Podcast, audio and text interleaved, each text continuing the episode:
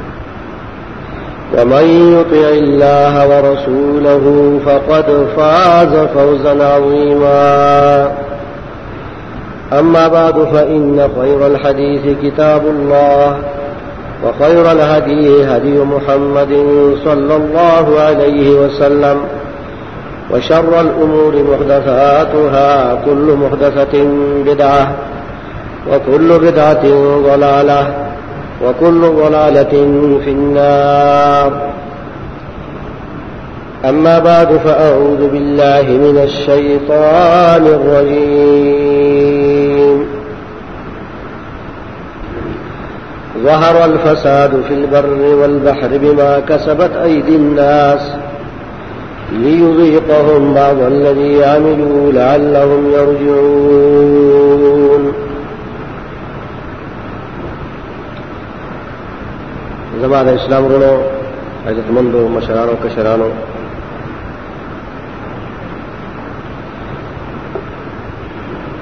دا درېمه خطبه ده په موضوع د فساد فی الارض په مځکه کې فساد پیدا کول د اصلاح په ځای باندې من مخکې دا عرض کړو چې الله رب العالمین احکم الحاکمین د زمکه د زمکو د اسمانونو مالک او خالق او د تمام مخلوقاتو خالق او مالک مونږ چې پیدا کړی یو دې غرض د پاره چې مونږ صرف او صرف د الله رب العالمین بندگی وکړي او کو د الله رب العالمین نه سوا د بلچا هیڅ قسم عبادت ونه کو صرف او صرف د الله رب العالمین بندگی وکړي او بندگی چې وکړو نو دا بندگی صرف او صرف د محمد مصطفی صلی الله علیه و آله وسلم د طریقې مطابق وکړو هغه چې کومه طریقه د عبادت د الله تعالی په دلې ده په کار دا موږ باندې دا فرض دي چې موږ هغه هغه طریقه د عبادت اختیار کو کومه طریقه چې محمد مصطفی صلی الله علیه و آله وسلم موږ ته پرې خلا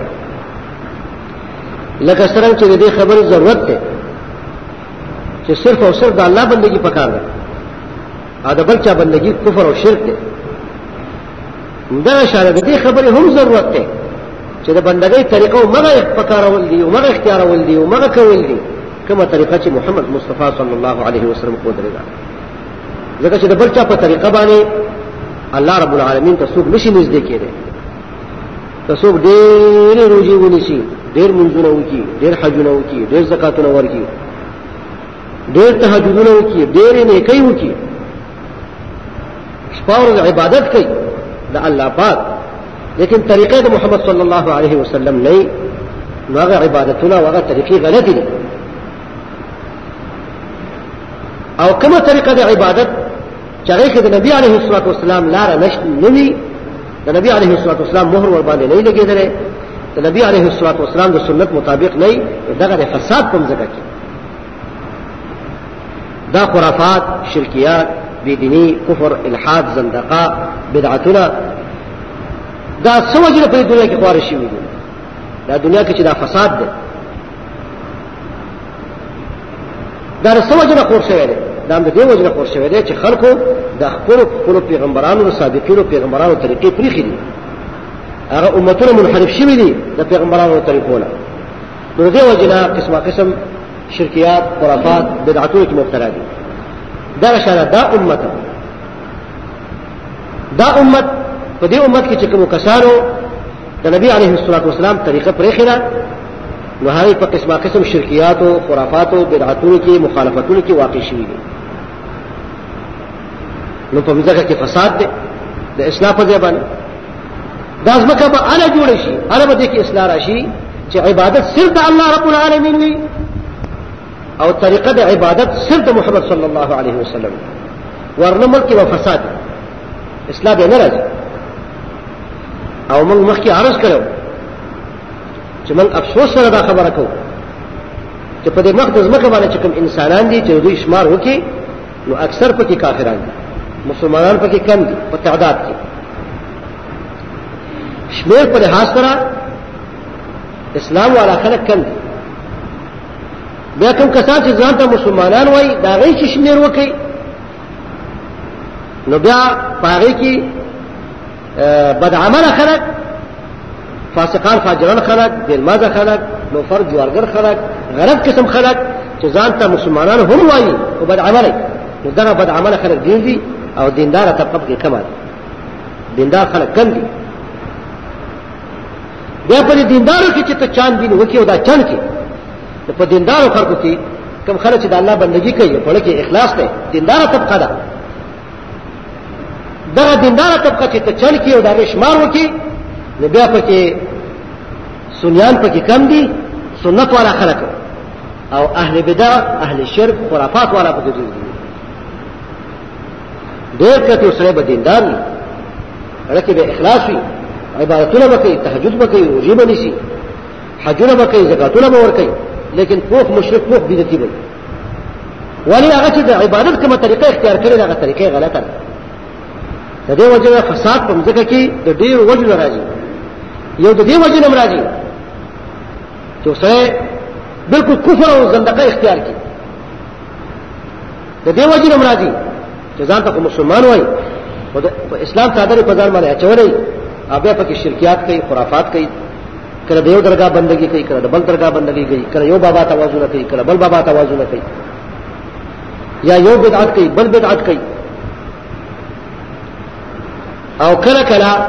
فساد په ځکه کې دی وجه نه چې دا چې ګناونه کوي چې هغه ته هغه ګناه وای دا قتل داکي جواری بيدینی بالماضي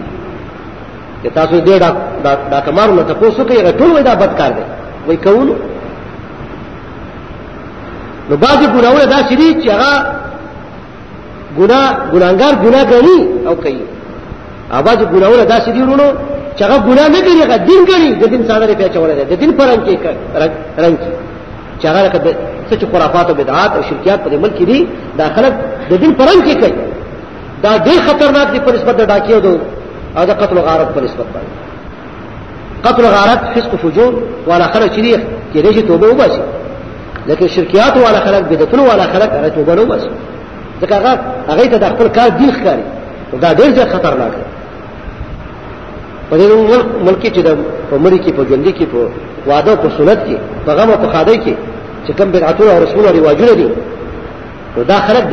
د دین په رنګ کې کوي دا خرافات چې څومره فساد په مځکه کې دینه پیدا دی دغه شانه بعض داسې ګناونه دي او داسې د الله او د رسول الله فرمانه نه دي چې هغه خلک د مذهب په رنګ کې کوي یو سره دی وایي حنفي مذهب ما هر څنګه چې دا دا بسره به زمانه ما دا حدیث سره موافقه یو که مخالف مخالفه دا خبرې ټیک نه دي بشمار مسائل داسې دي زما ورونو چې هغه د فقه کتابونو لیکلي دي لیکن د صریح قرآن او حدیث نه خلاف دي نو په داسې مسائلو باره کې شرعي حکم دار چې داسې مسائل منل نه دي پکار او داسې مسائل د داسې کتابونو نه وستل پکار دي په داسې مسائل باندې دین بنا کول نه دي په کار ځکه دغه مسائل دا فساد کوم ځکه کړي ولې چې کتاب او سنت د خلاف د قران او حدیث مخالفت ته پکې دغه مسائل کې لومړی کوم عالم مجتهد کړي هغه معذور دی هغه ګناګار نه دی هغه به خطا شي لیکن ورستنی خلک چې هغه پسې په خدای کې پسې دي دا ورستنی خلک مجرمان دي په دې باره کې د صحیح بخاری یو حواله یو واقعا واو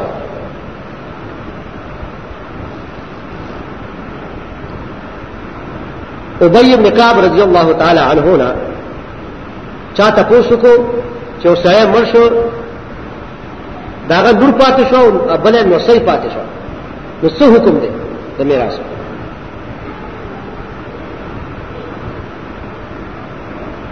نو هغه پکې فتوا ورکړه غلطه هغه صحابي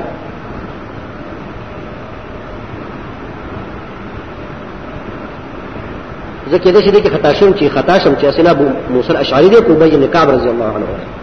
المهم دا صحابي خطا شو په فتوا کې دا دا فتوا لاره ورسېده عبد الله بن مسعود رضی الله تعالی عنه ته نو هغه وفرمایل لقد ضللت اذا وما انا من المهتدين دا آیت کریمه په دې فتوا باندې چس چسپان کړ وی فرمایل کدا فتوا باندې ما فتوا ورکړه او دا مسله ما ومنله نو زما گمراه شم او زما چرم د هدایت یافتونه نشم ودا ولې نه چې مکنه صحابي گمراه ولغه مجتهد خطا شو خو په جرم به درسلو خلق وي چې هغه ته د مخکني امام یا د مخکني عالم د مخکني استاد د مخکني پیشوا د مخکني مجتهد یو خطا معلوم شي بیا هم دې په کلک چې نه دغه منم دامي مذهب دی بل به نه منم که خو ته پته ولګي چې دا بل مذهب حق دی دا بل مذهب مسله قران او حديث سره موافقه ده دین نه مني نو عبد الله بن مسعود رضی الله تعالی عنہ فرمایل چې مسله دارا چې دا دغه چې دې سور ته وای دا نور دې لپاره نه مې مان او د وسل چې داګه لپاره سور است تکبیر ته سور سي دا نه چې یو د پاره نیم دی او د بل د پاره نیم دی ځکه نور ډېر قریب نه مړی تا په نسبت د وسل اما دا فتوا چې نیم دی وی دی نیم دی بل دی دا قرآن حدیث خلاف ده دا چې چا ومنله نو یې فرمایل لقد ضللت اذا وما انا من المهتدين زه به ګمراه شم ازو به هدایت یافتو کې نه یم کدا غلطه فتوا ما ومنله نو دیو جن موږ عرض کو کوم چې سابقین امامان تیر شوی دي لکه امام ابو حنیفه رحمۃ اللہ علیہ امام شافعی رحمۃ اللہ علیہ امام مالک رحمۃ اللہ علیہ امام احمد حنبل رحمت الله علیه امام بیهقی امام دارمی امام بخاری امام ترمذی ابو داود نسائی نور امامان سعید منصور اوزاعی دا ټول د دین امامانو خلک تیر شوی دوی جانبوج کر د قصد قرآن حدیث خلاف فتوا نه ورکړي خو البته انسانانو پیغمبران خو نه وحی ورته نه کېده نو کله انساني بشري تقاضا د وجنه کله کله د هغې په فتواګانو کې غلطې خبرې شته خطا د کتاب و سنت نه خطا خطا هغې ته به هغه وخت کې علم نه و د یو مسلې حدیث به ورته نه ورسېدلی یا به ورته رسېدلی و د فتوې په وخت کې به هېر شوی یا به ورته حدیث رسېدلی و په ضعیف سند به ورته رسېدلی و نو ضعیف سند باندې فتوا ورنکړه نو کله کله داسې پیخیږي یو مجتهد مجتهد معنا هم دارا چې هغه اجتهاد کوي قران حدیث نو مسله راو باسي په کوشش باندې لیکن کله کله دا کوشش حتی ورسیږي کله ورسیږي کله خطا شي نو چې خطا شي نو یو اجر دی د محنت او که چې حق ته ورسیږي نو ډبل اجر دی لیکن ورستنو خلک به دا روان دي چې امام پېښوا مرشد استاد شیخ خطا شي او بیا چې سره په دې کړه کې زیږه غشته چې نه زفم دې پسې زما او زه افسوس سره دا خبره کوم چې دیوبندیانو په کتابونو کې داشتا د حنفیانو وای حق هغه بل مذهب دی دا دا مسله په بل مذهب کې حق ده خو څوک نو موږ مقلدین نو موږ حنفیان یو دا اقرار کوي نو دا خبره کول کفر دی چې سره دا و چې دا حق دی خو زه نه منم زما مذهب بنم الکه چې حق شون څنګه به تنه مني نو دې وجنه دې سلسله کې یو څو نمونه ز تاسو ته پیش کوم چې تاسو ته دا واضح وي چې نن سبا چې په دې ملک کې کوم مذهب حنفي په نوم باندې مشهور دی او رائج دی او عام خلک مسلمانان په دې ملک کې د حنفي مذهب دعوه کوي نو اول خو ډېرې مسلې داسې دي چې هغه حنفي مذهب کې نشته دی دا قبر پخول قبر چونه ګچ کول قبر باندې جنډې ودرول خرافات اسقاتونه وغیره دا خرافات ستري اکثر بدعتونه او رسمونه رواجونه دا قبر پرستی او دا بت پرستی چې په دې ملک کې کیږي دا د اولیاء مبارک د علم غیب عقیده او د تصرف فی الکون عقیده دا عقیده دا بت پرست عقیده دي دا مذهب کې نشته دا حنفي مذهب کې نشته ا دې داخله کې دا څنګه دا جهميانو د ماتورديانو نقشبنديانو عقيده دا چې په دې کتابونو کې دي دا اصل مذهب حنفي کې نشته لیکن نور هم داسې مسائل شته چې هغه په مذهب حنفي کې دي قرآن او حدیث ته خلاف د دې وجه نه داسې مسائل منل نه پکار داسې مسائلونه واپس کېدل پکار دي دا غي یو څو نمونه زتا ست خیر زمونږه د دې حنفي مذهب سره څه تربوروري نشته لري خو سوال دا دی چې امام ابو حنیفه رحمۃ اللہ علیہ الله تعالی یې داغه په قبر باندې رحمت الله بارانو کې سره د نور امامانو ټول دا وصیت کړی دی اذا صح الحديث فهو مذهبي چې صحیح حدیث راشه قزم مذهب دی هغه دا نه دی ویلي چې راشي زموږ خبرې منئ ځان طرف ته دعوت نه ورکړي هغه داسې معمولي خلک نه وو هغه ته چې الله رب العالمین اوچته مرتبه ورکړې ده د دې وجه یې ورکړې وه چې هغه د الله د رسول د حکمونو تابعدار وو کوم مسله کې چې خطا شوي دي هم ولا الله اجر ورکوي ورستنو خلکو لپاره دا روانې دي چې د کوم امام مسله خطای او ورپسې روان شي بل یاد لرئ ډېر مسایل په فقه حنفي کې چې خلکو پکې لیکلي دي خدای امام صاحب یا دغه شاګردانو پکې نه دی ویلي لکه فقه حنفي کې ډېر خلک راځي دي په دې کې د جهمي اولاس ته په دې کې د معتزله اولاس ته په دې کې د ماتوریدي اولاس ته په دې کې د نقشبندي اولاس ته په دې کې د بلا چکنی ده دا د بلاد باور او نهر علماء مسله ده دا د مشایخ برخ مسله ده دا د مشایخ سمرقند مسله دي دا د متأخرینو مسله دي دا د متقدمینو مسله دي دا چې کوم دی د حسن بن زیاد مسله ده دا ظاهر روایت ته دا نادر روایت ته دا تخریج دی او دا اصل مسله ده ډېر خلک پکې تخریج او د اصل مسلې فرق نه کوي نو څه شي چې تورې په سپینه اخري او تورې ته وښکي په فقه حنفي کې دا مذهب دی نه دا مذهب نه دی مذهب هغه ته وایي په فقه حنفي کې چې هغه اصل کې ثابت دی امام ابو حنیفه او هغه د دوه شاګردانو ابو یوسف او محمد الحسن نور د نور خلکو خبرې دي دا غي باوجود په دې کې داسې خبرې شته چې د قران او حدیث ته خلاف دي او دغه مسائل مبارکي په خپل امام ابو حنیفه رحمۃ اللہ علیہ دا وصیت ته چې ما یو خبره وکړه او د قران او حدیث نه خلاف وا فضربوا الحائط ارض الحائط دیوال باندې راوته پي او قران او حدیث مخکې دا غي وصیت کړی دی لیکن دا مقلدین دا حنفیان دا دوی چې یا پنځیان دی بندیان دا کم بریلیان چې کم دیم حنفي مذهب ته ځان منسوبي دا خلک د امام ابو حنیفه وصیت نه مني چې منلې نو ولې به دوی دا غلطه خبره منلې په دې باره کې امام ابن القیم رحمت الله علیه خپل معروف کتاب قیم کتاب اعلام الموقعین ورنبني جلد دو سوا شپږ پنځوس نه تر دو سوا اته څلوېښتمه پورې یو څو مسلې د دې فقهاو نقل کړي دي چې هغه غلطې د احادیثو نه خلاف دي او هغه بنا دي په قیاس او قرای باندې یا په ضعیف حدیث باندې کمزوري یا دلیل نشي په صحیح حدیث باندې لیکن هغه دلیل کم قوي نه هغه حدیث هغه مسله نه ثابتېږي د دې وجنه امام ابن القيم رحمت الله عليه فرمای قالوا ویل دي دغه اهل علم چې کوم کسانو رد کړی په دې خلکو ولو كان القياس من الدين لكان عهده اتبع الناس للاحاديث کدا کوم قیاسونه چې نن سوا په خلک استدلال کوي دا دین وي نو خلق اهل قیاس چې وي نو دا به د احادیث سره زیات موافق وي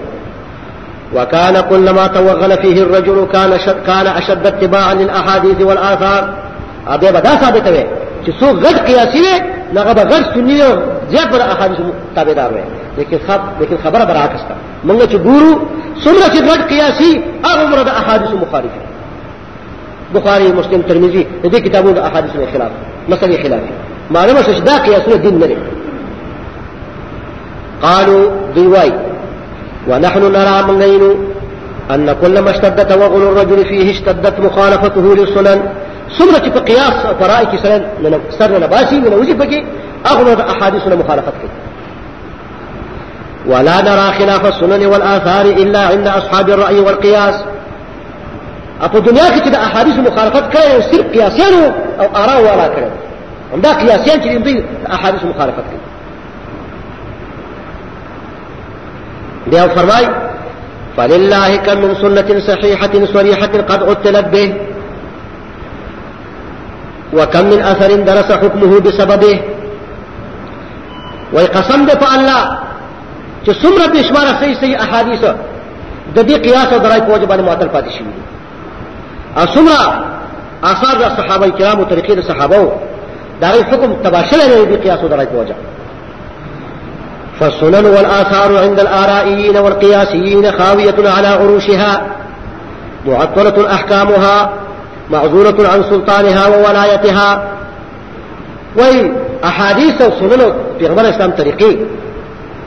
دا د دې قیاسیانو په نسبانه دا د خپل چتونو نه لاندې غورځېدل د دې هغه بندګونه دیوالونه غورځېدل دي چتونه غورځېدل دي او دیوالونه مړه غورځېدل دي یعنی دې څه قیمت نشته دې په دربار کې او احکام معطل دي او دې چې کوم سلطان او ولایت او حکومت ته دې احادیثو هغه حکومت به ختم کړي دي د قیاس او درای حکومت ته له الاسم له الاسم د دې احادیث لپاره صرف نوم د تبرک لپاره وایي لس کاله پنځلس کاله شل کاله کله قدري مدري شرقایا مرقایا او او او دا شر خیالي مو دا وایي شرقایا د خرافات کتابونه وایي خیر دماغ ولا خراب کی نو دا یو کار وایي دوره کو احادیث دوره کو لس لس کتاب د احادیث دور وایي نه په استاد پوښي نه په شاګرد پوښي دا دې قیمت ته دې په په دربار کې د احادیث وای د احادیث لپاره صرف نوم دی او د قیاس او درای لپاره فیصله ده فیصله کوي له السکه والخطبه ولغيرها الامر والنهي سکه چې دا پیسې باندې خدای اله الا الله لیکل دي لكن امر او نهي وکاو مکه د قیاس او درای والا کدا سي نه فلماذا ترك حديث العرايا اوس هغه مثال نه کله دې په دربار کې د احادیث قدر او قیمت وای دې ودا د احادیث ولې دې پرې پدل امام محمد عابد عابد السندي یو لوی عالم تر شوی دی د هندستان د سند په جزیره العرب په مدینه منوره کې مدینه شریفه کې وفات شوی دی مهاجر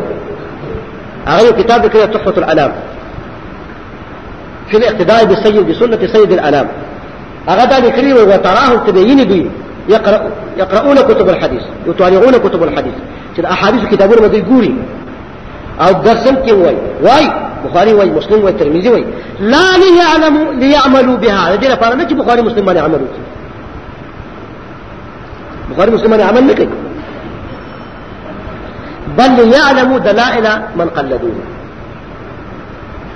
بلکې دې لپاره بخاری مسلم وایي چې د خپل مذهب دلایل پکې معلوم شي تبرکا دغه احادیث وایي اګه ته حدیث وایي چې وایي دا خو حدیث ته پیغمبر اسلام طریقه ده نو وایي مونږ چې چا مذهب وغه تعالی خپوي قالوا من قد قلبناه كان اعلم بالحديث بس بروي چې حدیث ته په سره چشمه وایي چې مونږ چې چا په مذهب هغه په حدیث خپوي دا بارا وته وتی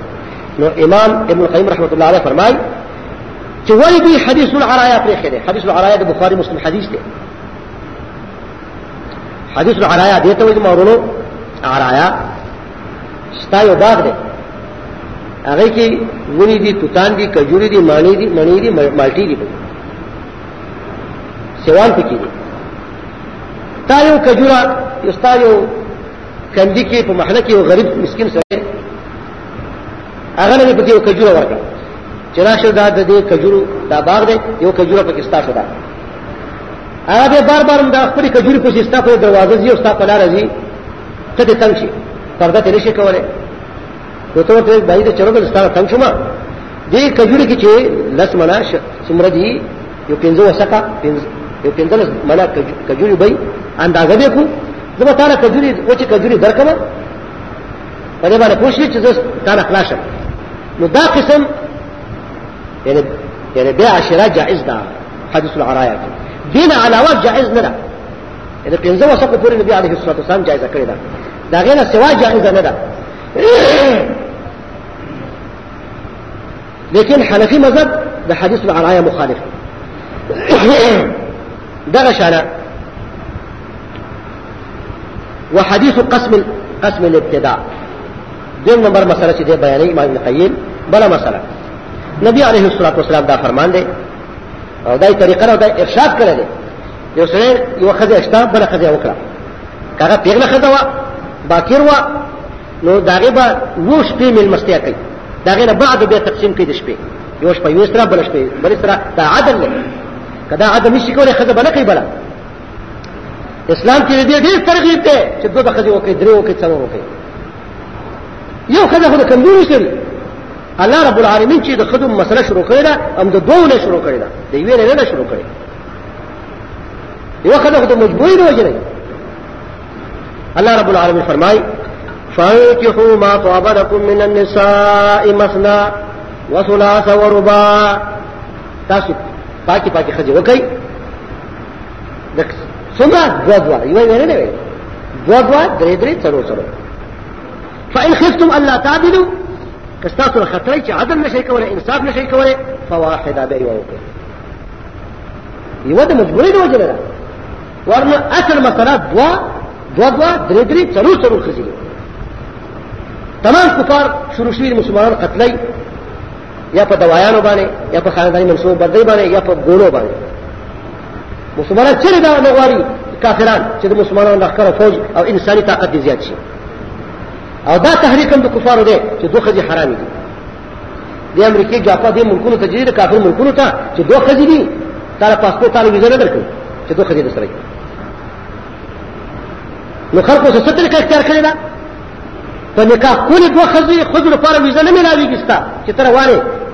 تا تا د ویزه نه درکړي دوه چې تاسو دوه خځې نو څه چل وکړي دا به وای وای سیب دا یو می خنه دا بل می زیناکار دا دا یار دا نور به ویزه درکړي دې بيدرې ته تاسو وګورئ کړه جناکار لپاره ویزه ورکړي او چې ستاسو باندې کا خوري خځې غیر لپاره ویزه نشته دا وایي و چې مسلمانان کو خځې ونی کی کړه او دا تحقیقونه د نسوانانو شروع دي د تعدد د زوجاتو د زیاتوالي د خځو خلاف تحقیقونه شروع دي دا ټول د سیسي د مسلمانانو خلاف دا کافرانه نظامونه دي مؤمن هغه دی چې غډیر بچی وي چې هغه فوج قوت زیات شي چې د مسلمانانو تعداد د مسلمانانو فوج زیات شي خاجي الله رب العالمین د دوه شروع کړي دوا درې څلور یو خو هغه سره چې کمزوري عدل نشي کولای نو هغه یو کوي او چې عدل کولای شي نو هغه دوه کوي درې به کوي څلور به کوي بیا پکې حکم دارې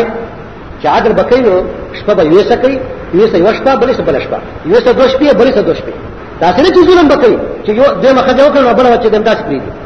دا د بيدینانو د فرعونانو خلکو کارونه دي نو حکم دا دی چې بالکل خوراک سکات کپڑا لباس کې به عدل او انصاف کې شپه کې ورځ کې ته آزاد ورځ چې ارچا سره خوشپه شپه کې یو شپه یو سره بل شپه بل سره یو سره کپړه یو لاره بل سره کپړه بل لاره یو سره خوراک یو لاره بل سره خوراک بل لاره همغه شان یو یو قسم بنگلا او بلډینګ او کور یو خدای لاره همغه سره بل خدای لاره دې کې عدل انصاف پکار لیکن د دې باوجود نبی عليه الصلاه والسلام فرمایي چې سړي وخزوي او بل خزه وکړه نو کا باکر وا پیغله خزوا نو اوس په برابر مل مستیا کوي اوس په اوسه وکی دا غره بعد به نمبر کوي حنفي مذهب چې نه اول شپه به نمبر کوي دا د صحیح حدیث خلاف دی مسله هلکه ولې کوم له سره فرمان خلاف کوي نبی عليه الصلاه والسلام وایي چې اوس په اوسه تیر وایي هغه بعد تقسیم کوي اته چې نن دا اول شپه به تقسیم او ترا کونډه وایي طلاق شوی وایي دا څه خدای سړی وکړل او مخکې بل خدای وا نو به هغه سره درش پې تیرې هغه نه بعد بعد هغه د مستیا درش په حق دی به تقسیم حنفي مذهب وایي چې نه اول سپیر به تقسیم نو لکه دا د پیغمبر اسلام د فرمان د ضد فتوی دي دا فساد ته کوم ځکه کې دا اسلام نه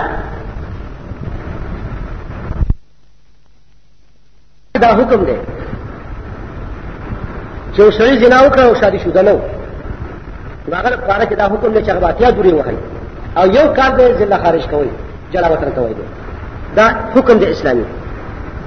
حنفي مذهب سره وای نه صرف دروغ به ورکوو خو جلا وطن کوو نه دا فتوا ده قرآن حدیث د خلاف دا فساد هم ذکر کوي اصلاح دا نه ده اصلاح دا ده چې څنګه نبی عليه الصلاه والسلام ویلي دي چې ما غنافذ الله رب العالمین ابتدا کې زنا د پاره څه حکم نه نافذ کړي نو راوسته او دومره ویلا چې چا دا جرم وکړو فامسكوهن في البيوت حتى يتوفاهن الموت او يجعل الله لهن سبيلا چا باندې چې شوبه رااله هغه گرفتار کړي جیل کې واچوي تر هغه پورې چې یا مرشي په جیل کې او یا الله رب العالمین دغه لپاره نوې قانون نافذ کړي راولي سمودم دغه شان توا بیا نبی عليه الصلاه والسلام فرمایل قد جعل الله لهن سبيلا الله پاک قانون راو راولې ددا شي خلق لپاره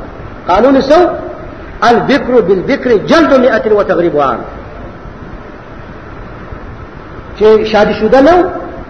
هغه زنا ارتکاب وکړ بدفعلی وکړه یا شادي شوده جنې نو هغه بدفعلی وکړه دا غیر لپاره حکم دار نبی اسلام فرمایي چې الله په قانون دا ولې هغه دا چې سل دوری مور ور کوي ایو کال دې ځله خارج کوي ملک له در بدر کوي نو دا قانون د الله رب العالمین طرف راغلی دی ګوره یو کال دې ځله خارج کوي ځکه او یجعل الله له سبیلا بل واقع اوري نبی عليه الصلاه والسلام په خدمت کې یو دوه ډلې راغلي مدعي او مدعا عليه یو پکې وویل یا رسول الله زما زوی دې سړي سره نوکرو ان ابني هذا كان عسيفا عنده حدیث العصیب معروف حدیث بخاری مسلم وغیرہ کې اې دا الله پیغمبر زما د زوی د دې سړي نوکرو نو چې نوکرو نو د خځې سره زنا وکړه منګه د خلکو له تپوسو کو چې دې څه حکم دی نو هغه حکم ته موږ صحیح نه رسیدلو نو ما د دې ځی په جرمانه کې دې سړی لرا سم چې کوم دی چلے ورکړ جرمانه نور ورکړه لکه پښتانه یو بل سره صلح ملح کوي کنه چې خیر چې دغه پتریدي کړی دا لکه خیر دې ورکول دا دا پلار پلار وته وی چې خیر دې بدل سل چیرې درکه خیر دې معافه کا لاره معاف دې سړي بیا موږ د اهل علم نه تاسو کو نه غیره ته ویش دا مسله غلطه ده مسله دا ده چې دغه شریف په خدای باندې رجم دی ځکه شادي شوه او دا لکه چې د باندې سل دوی یو کار شړل دي نو موږ تعالی راغلی وي اې دا الله پیغمبره څه موږ باندې موږ کې فیصله وکړه د الله په کتاب او فقد بین رابي کتاب الله دا خلکو دا دعوه پیش کړه نو نبی عليه الصلاه والسلام فرمایل چې بالکل زما دې پر رب قسم زما تاسو کې د الله رب العالمین په کتاب فیصله وکم ا فیصله سره هغه داله کله چې له چې تا ور کړی دی هغه تعالی واپس کړی او دغه سړي دا خدای چې دا کده اقرار وکړو نو هغه لپاره رجم دی ځکه چې ګواهر خو نه کړ یا به څلور ګواهانی یا به اقراری او یا به حمل جنې حمل شو خاوند نو نو اقرار کیو کنه کوي کوم نه دی پیدا کوي هغه له رجم ورکوي دا که شادي شوده وا او مېړې نو دا ورجم کیږي او که دغه وعده نو کړې نو هغه هغه باندې اصل دوری ورکول کیږي اما دا لک چیرې نبی رسول الله صلی الله علیه وسلم فرمایل چې در بسل دوری ورکړي شي او یو کال به جلا وطن شي نو دا یو کال جلا وطن کېدل دا په کتاب الله کې فیصله ده نبی رسول الله فرمایل چې زماره پر رب قسم دې تاسو کې په کتاب الله فیصله کوي حنفیان وایي چې نه یو کال شرم پکې نشته سبحان الله الله رب العالمین فرمای او یجعل الله لهن سبیلا نبی علیه الصلاه والسلام فرمای قد جعل الله لهن سبیلا هغه خلق راځي نبی اسلام ته فرمایي چې په کتاب الله کې سره وکړه نبی عليه الصلاه والسلام ته په کتاب الله کې سره کوي او وايي چې دا کتاب الله حکم دی اته چې رجم یو کال جلاوطنی پکې نشته دا اوس فساد دی په مځکه کې پیغمبر عليه الصلاه والسلام د فرمان مخالفت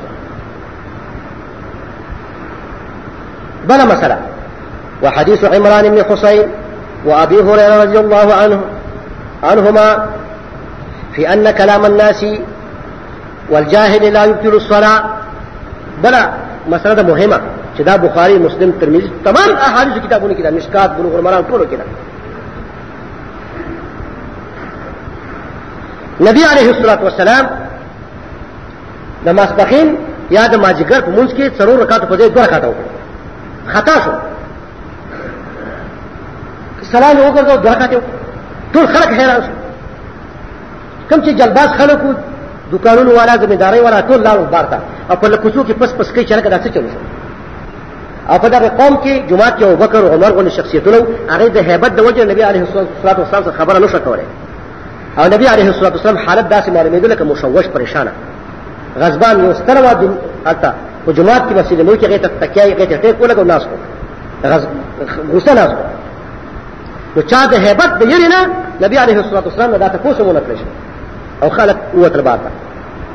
من د تړم پکې رااله مزلم پکې ووت راغې تاسو نه کار په خبرې پکې وشوري په دغه خلکو کې پر صحابه کرامو کې وسړیو دا غنوم زولیادین زولیادین معنی دوه خاون دوه لاسونو خاون هر سره دوه لاسونو خاون دی خدای هغه لاسونه ودو د زولیادین یو تذکر یو هغه د نبی علیه الصلاه والسلام سره دغه ازادي و غب شپ وسره نغه جرأت کو ویل یا رسول الله دا مونږ د الله تعالی طرف نه کم شو او کله تا نه هیر شتا کم هغه دا الله تعالی طرف نه کم دی نو ما کم کړی وای نه یا رسول الله بعض ذلك قد کان نبی صلی الله علیه وسلم فرمایل کل ذلك لم یکن هغه صحابي فرمایل یا رسول الله بعض ذلك قد کان یا خدای الله نه کم دی یا تا کم ته موږ کم کو هغه نور صحابو ته پوښتنه چې دا صدقه ذل یدین دا ذل یدین صحیح وای ټول ویل چې او فورا د نبی اسلام پاسه ته د دې دومره خبرو باوجود مونږ فاسد نه کړ مونږ خراب نه کړ دوه رکعات په خوا کړو فورا بیا مخ په قبله شو دوه رکعات نور وکړل او سیده سره وګرځول او سلام وکړ زه حنفیان وګورم وایي چې مونږ فاسد شو هلکه څرنګه فاسد شو سردار دو جهان وایي نه فاسد ته فاسد دی نو دا فتوا ده فساد دی په مځکه کې ځکه دا د وحی نه خلاف ده دی وایي دا خو دې مونږ کې خبرې وشولې او عملي کثیر پکې وشو ولې شي که نه دا کیس دا سی وو چا چې موږ کې خبرې وکړې په دغه په دغه حالت کې داغه خدا خیر چې موږ نه وته وکړ او که عملي کثیر په کې کړې کوچې ته وتیری داغه خدا خیر چې موږ ختم شو کړ نو په دې کیس باندې دا چې کیس کې وسم پیښ شو موږ نه فاسد دي او دوی ول موږ فاسد دي نو دا مسله د قران او حدیث نه خلاف ده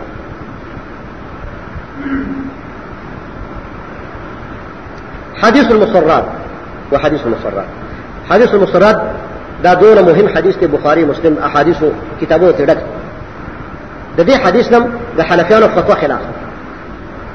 بلکې صحیح حدیث دی نه منسوخ شوی دی او نه کمزور دی او نه ضعیف دی حدیث المصرات دی ته وایي تاسو خود بس وخت بس کوئ پوبند وای حدیث المسرات دته وای یو انسان دې منډي ته لاړ لاړ چیرې اخلي غواخلي میخ اخلي چې ویګه ته یو غاټه میخه نه دونه غلان دی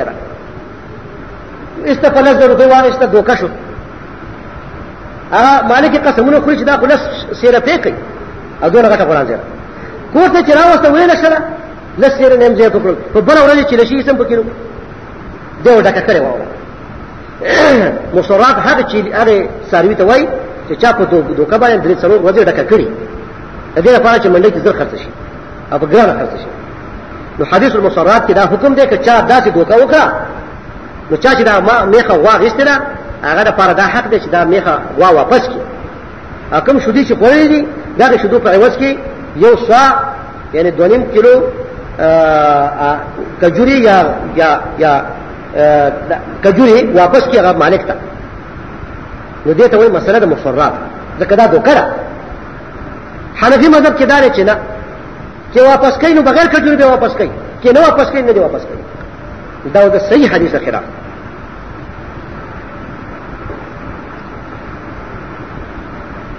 دغه شانه حدیث خیال مجلس حدیث خیال مجلس بشمار کتابونو کې او صحیح صحیح احادیث کې بخاری مسلم وغیرہ کې دا غي حاصل دار چې وسره په یو مجلس کې ناشتي تا په دبا ته باندې خرڅ کړ ټوپک دې په خرڅ کړ الکه دا قصور په لږ روپۍ دی دا دا تاخلي غل ما واغست په خلو کې د عشره وکړه تر څو چې په دې مجلس کې ناشته او دا ټوپک والا ناشته حق شته چې واپس کی که ټوپک والا ټوپک واپس کوي هم حق لري کاغستون کې دته رد کوي هم حق لري تر څو چې دا مجلس باقي وي حنفي مذهب وایي چې نه یوارې چې د خلینو ووتل بس دا کډیر هم لته چغي وای کنه نو واپس کیږي هغه دا خو سری حدیث خلاف دا فتوا غلطه ده دا د فساد په مدګه کې یو سره به خطا شي نو تر څنګه دا مړ نه شي پرې راغته د سوچ موقع ورکا بشمار احادیث دي دا چې وې وې بشمار خو دې په دې باندې راځي او دا یو څو نمونې دا کافي دي ان شاء الله که بیا موقع ملاو شه باقي نمونې به بیا ذکر کړو وصلی الله وسلم علی خیر خلقه محمد وعلى اله وصحبه اجمعین